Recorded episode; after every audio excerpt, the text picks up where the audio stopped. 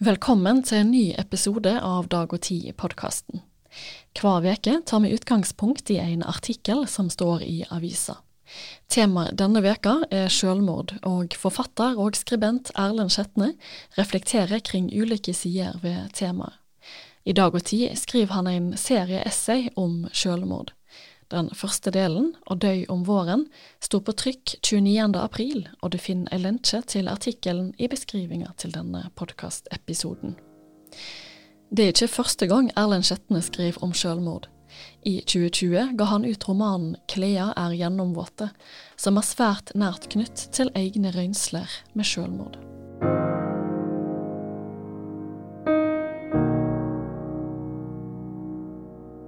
Velkommen, Erlend Skjetne. Takk for det. Selvmord er jo et vanskelig tema å snakke om, og jeg går ut ifra òg å skrive om. Så jeg lurte på hvorfor ville du skrive om, om akkurat dette?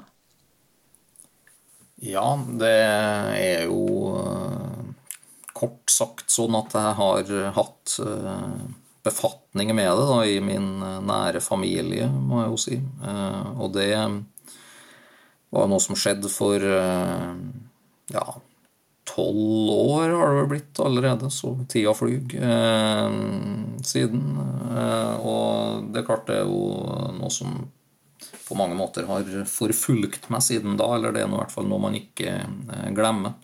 Og av den grunnen så har jeg nå ja, eh, egentlig mange sammenhenger skrevet om det, og jeg har jo skrevet en roman egentlig som har veldig mye med det eh, temaet å gjøre, sånn at eh, det er ikke fremmed for meg. Og så var det nå litt diskusjoner med med Dag og Tids redaktør om hva jeg kunne finne på å skrive videre, og vi kom fram til at akkurat dette temaet er i hvert fall noe som er viktig, og kanskje ja, fint å kunne belyse litt sånn fra innsida, for å si det sånn, når man nå har, har førstehånds erfaring med det. Ja, for mm. uh, faren din han tok livet sitt når han var 50, du var 21?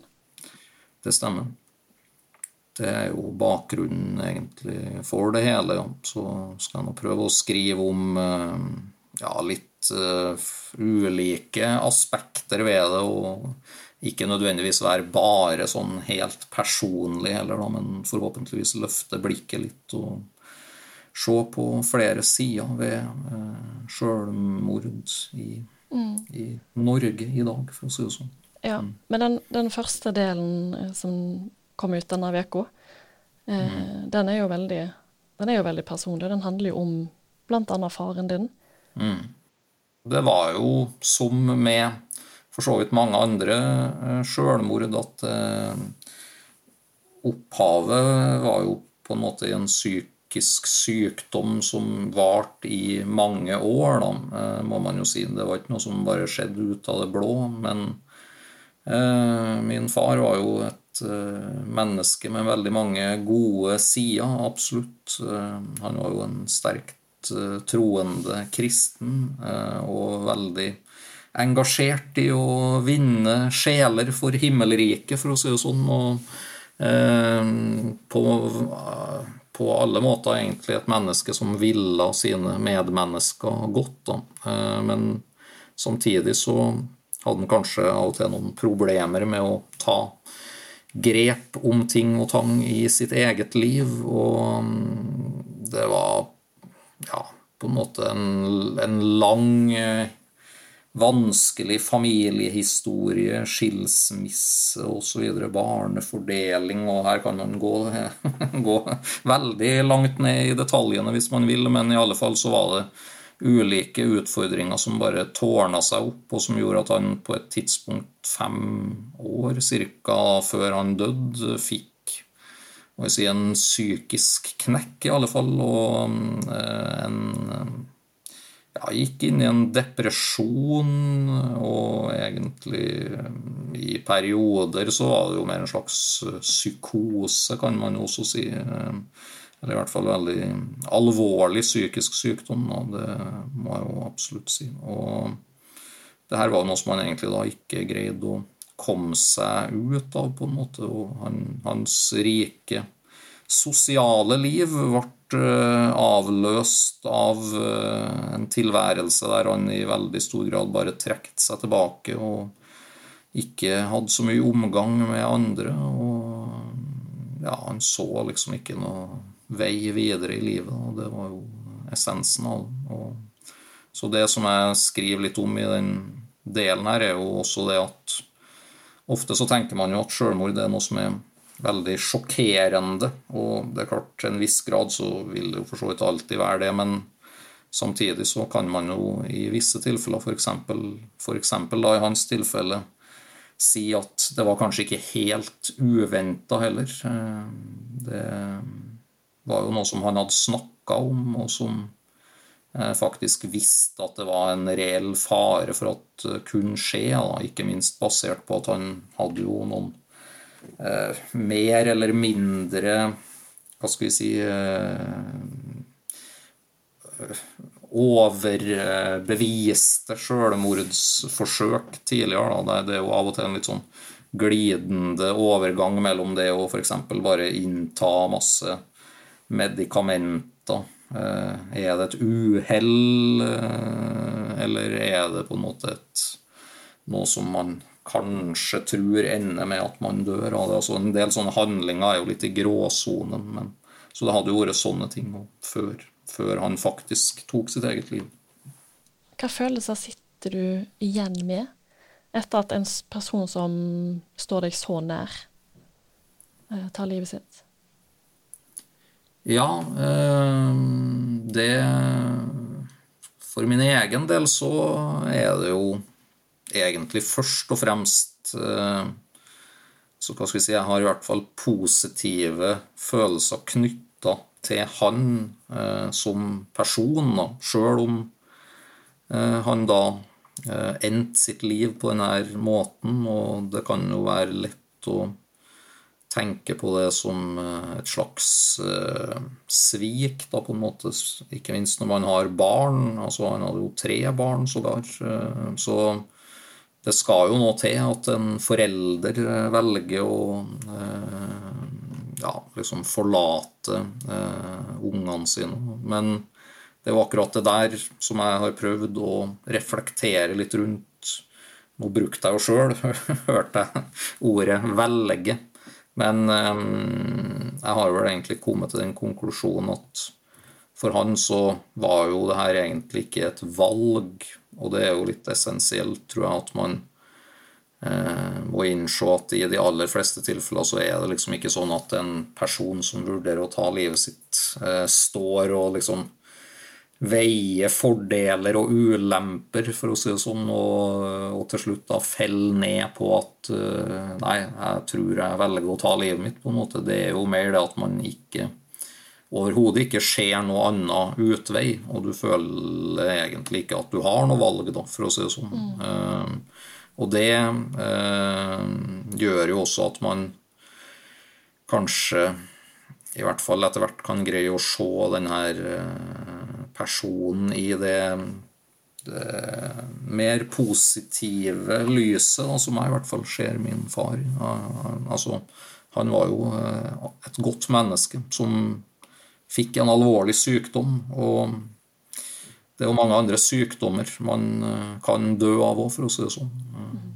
Du sa det var tolv år siden han tok livet sitt. Og at du, nå skriver du som sagt den, den essayserien her om selvmord. Hvor er det du har leita etter kunnskap om selvmord? Ja, altså kunnskap eh, er noe så mangt, da, for så vidt. Jeg har jo i grunnen relativt liten sånn eh, akademisk kunnskap om det, utover litt som jeg har lest, selvfølgelig. Eh, men eh, det, det, som jeg bl.a. har gjort, er jo at jeg Og det tok egentlig ganske mange år. altså Det var nok ikke før seks-sju år etter at min far døde, så begynte jeg å ville lese litt altså journaler og lignende fra psykiatrien, der han jo var eh, tungt inne i mange år, må man jo si. Eller inn og ut, da, rettere sagt. Eh, og eh, det ga meg jo for så vidt en ja, kanskje dypere innsikt i hva det egentlig var som hadde foregått i hans tilfelle. Altså, jeg hadde jo liksom visst Eh, en del ting, men det er klart er, ja, I litt av den perioden når han var alvorlig psykisk syk, så bodde jeg for så vidt sammen med ham. Men jeg flytta ut og begynte å studere, og sånn, og jeg mista jo kanskje den der daglige omgangen med han og hans uh, problemer. Men jeg visste jo godt hva det var, for så vidt. Men, men gjennom alle de her talløse journalene og først og fremst fra psyk psykiatriske institusjoner, da, så fikk jeg nå i hvert fall litt mer eh, Litt mer forklaring på ting og tang som hadde foregått i hans tilfelle. Og det er jo for så vidt mest det jeg har å støtte meg på. Det, det er jo en lekmannskunnskap, i den grad jeg har noen kunnskap om selvmord. Men eh, så har jeg jo skrevet om det, som sagt, eh, bl.a. i den romanen. Og jeg har jo prøvd å sette meg litt inn i det eh, på, med flere innfallsvinkler, sånn sett. Blant annet så har jeg jo vært litt interessert i ja, liksom forestillinger som har vært om selvmord historisk, kan man si. og det er jo noe som eh, Hva skal vi si Det er jo fortsatt eh, vil nok mange mene i hvert fall en del tabuer rundt det. Eller det er jo ikke noe som det snakkes så mye om nødvendigvis. Jeg tror jo i hvert fall man kan si at det er i en del tilfeller en slags eh, skam fortsatt knytta til det. det. Det tror jeg absolutt. Og det er jo også alle de her tankene om ja, det er liksom eh, man, man, tenker på selvmordet som eh, om, om, man ikke har religiøse forestillinger eh, og liksom tenker på det som ei synd, så kan man jo likevel tenke på det som en veldig sånn Ja, noen sier en feig handling, eller ja, i det hele tatt en nedrig handling. Da, liksom at man bør greie å unngå å ta livet av for å si det på en enkel måte. Eh, det tror jeg nok at det er mange som vil, vil mene fortsatt. Det blir jo ofte snakk om smitteeffekt. Mm. At hvis en person uh, i en vennegjeng eller på en skole eller hvor det måtte være, tar livet sitt, så uh, kan det ha en tendens til at flere på samme plass, gjør det mm. samme. Er det noe du tenker på når du snakker om Altså når du har snakka om å skrive om selvmord? Eh, ja, det vil jeg si at jeg har. Eh, eller i hvert fall den derre eh, Jeg har kanskje tenkt at det fins en slags eh, Kall det nesten glorifisering, da, eller mytologisering, kanskje man heller skulle kalle det, av det med selvmord. Det er jo noe med at ja, Hvis man ser til litteraturen og sånn, og for så vidt også diverse kjendiser kanskje, og sånn som har tatt livet av seg, så blir det jo på en måte en slags sånn ja, noe litt uh, mystisk ved det her, og det blir innhylla i et slags uh, kanskje spennende uh, lys, da kan man si, som ja, sikkert ikke er helt bra. Det tror jeg nok. Men jeg håper jo at eh, gjennom den fremstillinga som jeg har bedrevet av sjølmord, både nå i Dag og Tid og i denne romanen som jeg har skrevet, at eh, jeg har fått fram det som kanskje er mitt anliggende, at det er jo egentlig nå ja, egentlig ut utelukkende veldig trist ved det, for å si det sånn. Og det er ingenting eh, som, som er noe å trakte etter, da, for å si det sånn. Altså, hvis jeg tenker på min far, så Det er akkurat det der at eh, han eh, endte jo opp eh, der han gjorde gjennom en sykdom som egentlig bare gjorde han mer og mer ja, svak på alle måter. Sosialt og dårlig fysisk helse, og for så vidt Og liksom helhetsbildet var egentlig bare veldig tragisk, og av en mann som eh, ikke, ikke har det bra og ikke takler hverdagen overhodet. Eh, sånn at jeg tror i hvert fall ikke at hans tilfelle kan sies å ha noen sånn smitteeffekt sånn sett. Men, men nettopp det, hvis det blir mye sånn mystikk rundt det, som det jo kan være, ikke minst når man ikke liksom snakker om hva det egentlig er som har skjedd her, osv., så, videre, så bidrar man jo kanskje til å bevare noe sånne At det har en slags sånn eh, appell, tross alt. Da. Eh, og det Tenker du det er viktig å informere, uh, informere alle om uh, hvordan en person har dødd, hvis de er selvmord? Altså, Jeg tror ikke at det har så mye for seg at man liksom skal si at f.eks. på hvilken måte har denne personen tatt livet, altså. men jeg tror nok at det kan være fint at det kommer fram at det er det det dreier seg om. Eh, det vil jo ofte være spekulasjoner om det uansett, da, hvis det liksom er brå død hos relativt unge folk spesielt, så er det jo ikke helt unaturlig å tenke i de banene. Og Eh, sånn sett så er nok det bare en fordel, og så kan man jo heller snakke litt om eh, ja, hva, hva var egentlig bakteppet her, og, og, det at det i de aller fleste tilfeller er en sykdom. Da. Det er jo kanskje det som er det aller viktigste, ville jeg sagt. Ja, apropos det eh, med mm. sykdom. Um, for du sier jo at selvmord er jo det er trist, mm. selvfølgelig. Men fins det tilfeller der, der selvmord er greit? F.eks. hvis du har en alvorlig sykdom, mens kanskje en veldig smertefull mm. sykdom? Ja, da er du inn på et interessant etisk spørsmål, selvfølgelig. Og da begynner man jo å nærme seg det der med aktiv dødshjelp osv., selvfølgelig. da med eh, med stormskritt, må man si. Og det mm, Jeg vet ikke helt, jeg skal være litt forsiktig med å uttale meg om det. Det er jo det er klart at der dukker det jo opp noen, noen et, liksom, etiske problemstillinger, da, selvfølgelig. Fordi med en gang du skal begynne å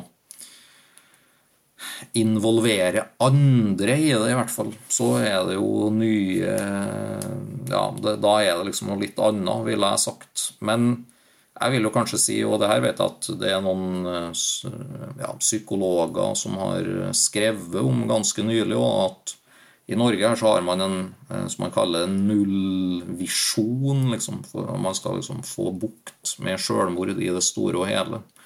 Og det tror jeg vel ikke er så veldig realistisk, eh, rett og slett. Og jeg vil jo si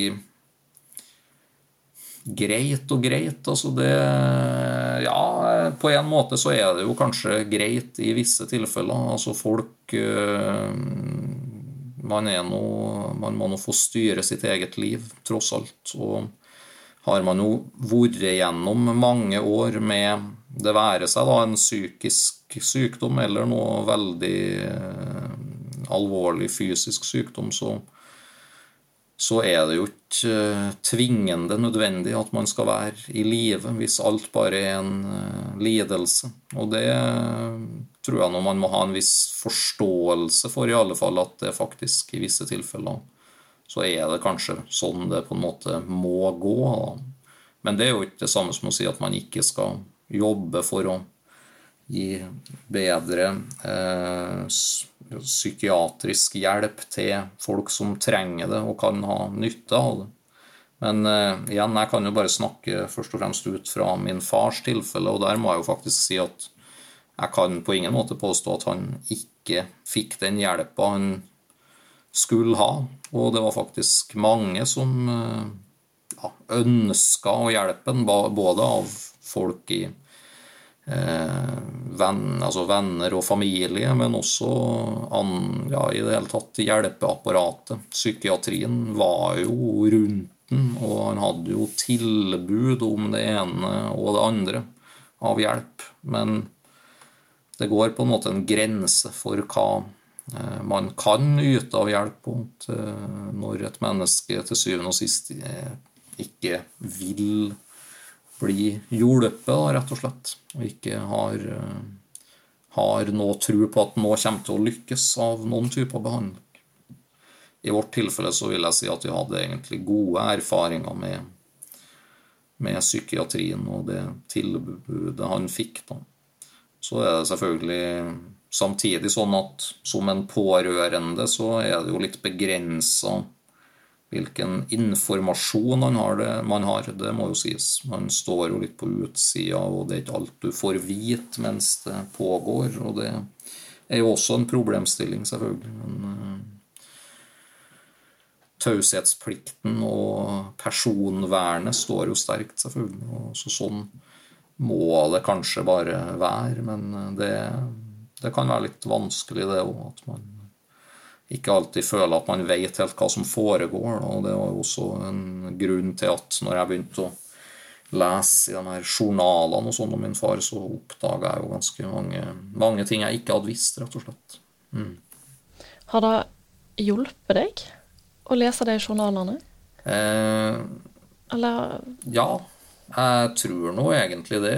det for det det var jo ting som jeg gikk og lurte på, rett og slett, og som jeg fikk, fikk et klarere svar på. Eh, det må jeg jo si. Og mm, så har det Ja, det har jo kanskje hjulpet meg også inn i det som uh, har blitt min fremste form for uh, terapi, for å kalle det, eller mulighet for å bearbeide Eh, det hele. Og det er jo det med eh, ja, skrivinga, og kunne skrive om det. Og de her journalene har jeg brukt egentlig ganske aktivt, bl.a. når jeg skrev den romanen her, så er det en del sånn utdrag fra journalene osv. som er riktignok eh, eh, kamuflert da, på forskjellig vis. Men, eh, men eh, det har vært klargjørende, da, vil jeg si, på mange måter. Mm. Hvorfor har du valgt å være så åpen om, om selvmordet til faren din, og ja, om temaet selvmord generelt? Eh, ja, eh, egentlig så vet ikke jeg om jeg har valgt å være så åpen. I hvert fall ikke før. Eh, jeg må jo si at eh, eh, det er noe, noe som jeg tror at jeg forhåpentligvis kan ha noe litt interessant å si om. Eh, så å kunne opplyse dem som ikke er så inne på det, litt i hvert fall, og forhåpentligvis også treffe noen som kanskje har hatt befatning med selvmord, og ja, på et eller annet vis gi dem, eh, om ikke trøst, så i alle fall en forståelse av at det finnes mange andre som har opplevd eh, det samme. Og det er klart eh, når man opererer med tall på la oss si ca. 600 selvmord i året, eller noe sånt, jeg vet ikke det eksakte snittet, sånn, men det bruker å ligge der omkring. Og så kan man jo tenke det antallet etterlatte som er venner og lignende til hver person, så er det jo ganske mange som berøres av det. er det ingen tvil. Tusen takk, Erlend Skjetne, for at du var med i podkasten i dag. Ja, tusen takk for at jeg fikk lov til å være med og snakke litt her.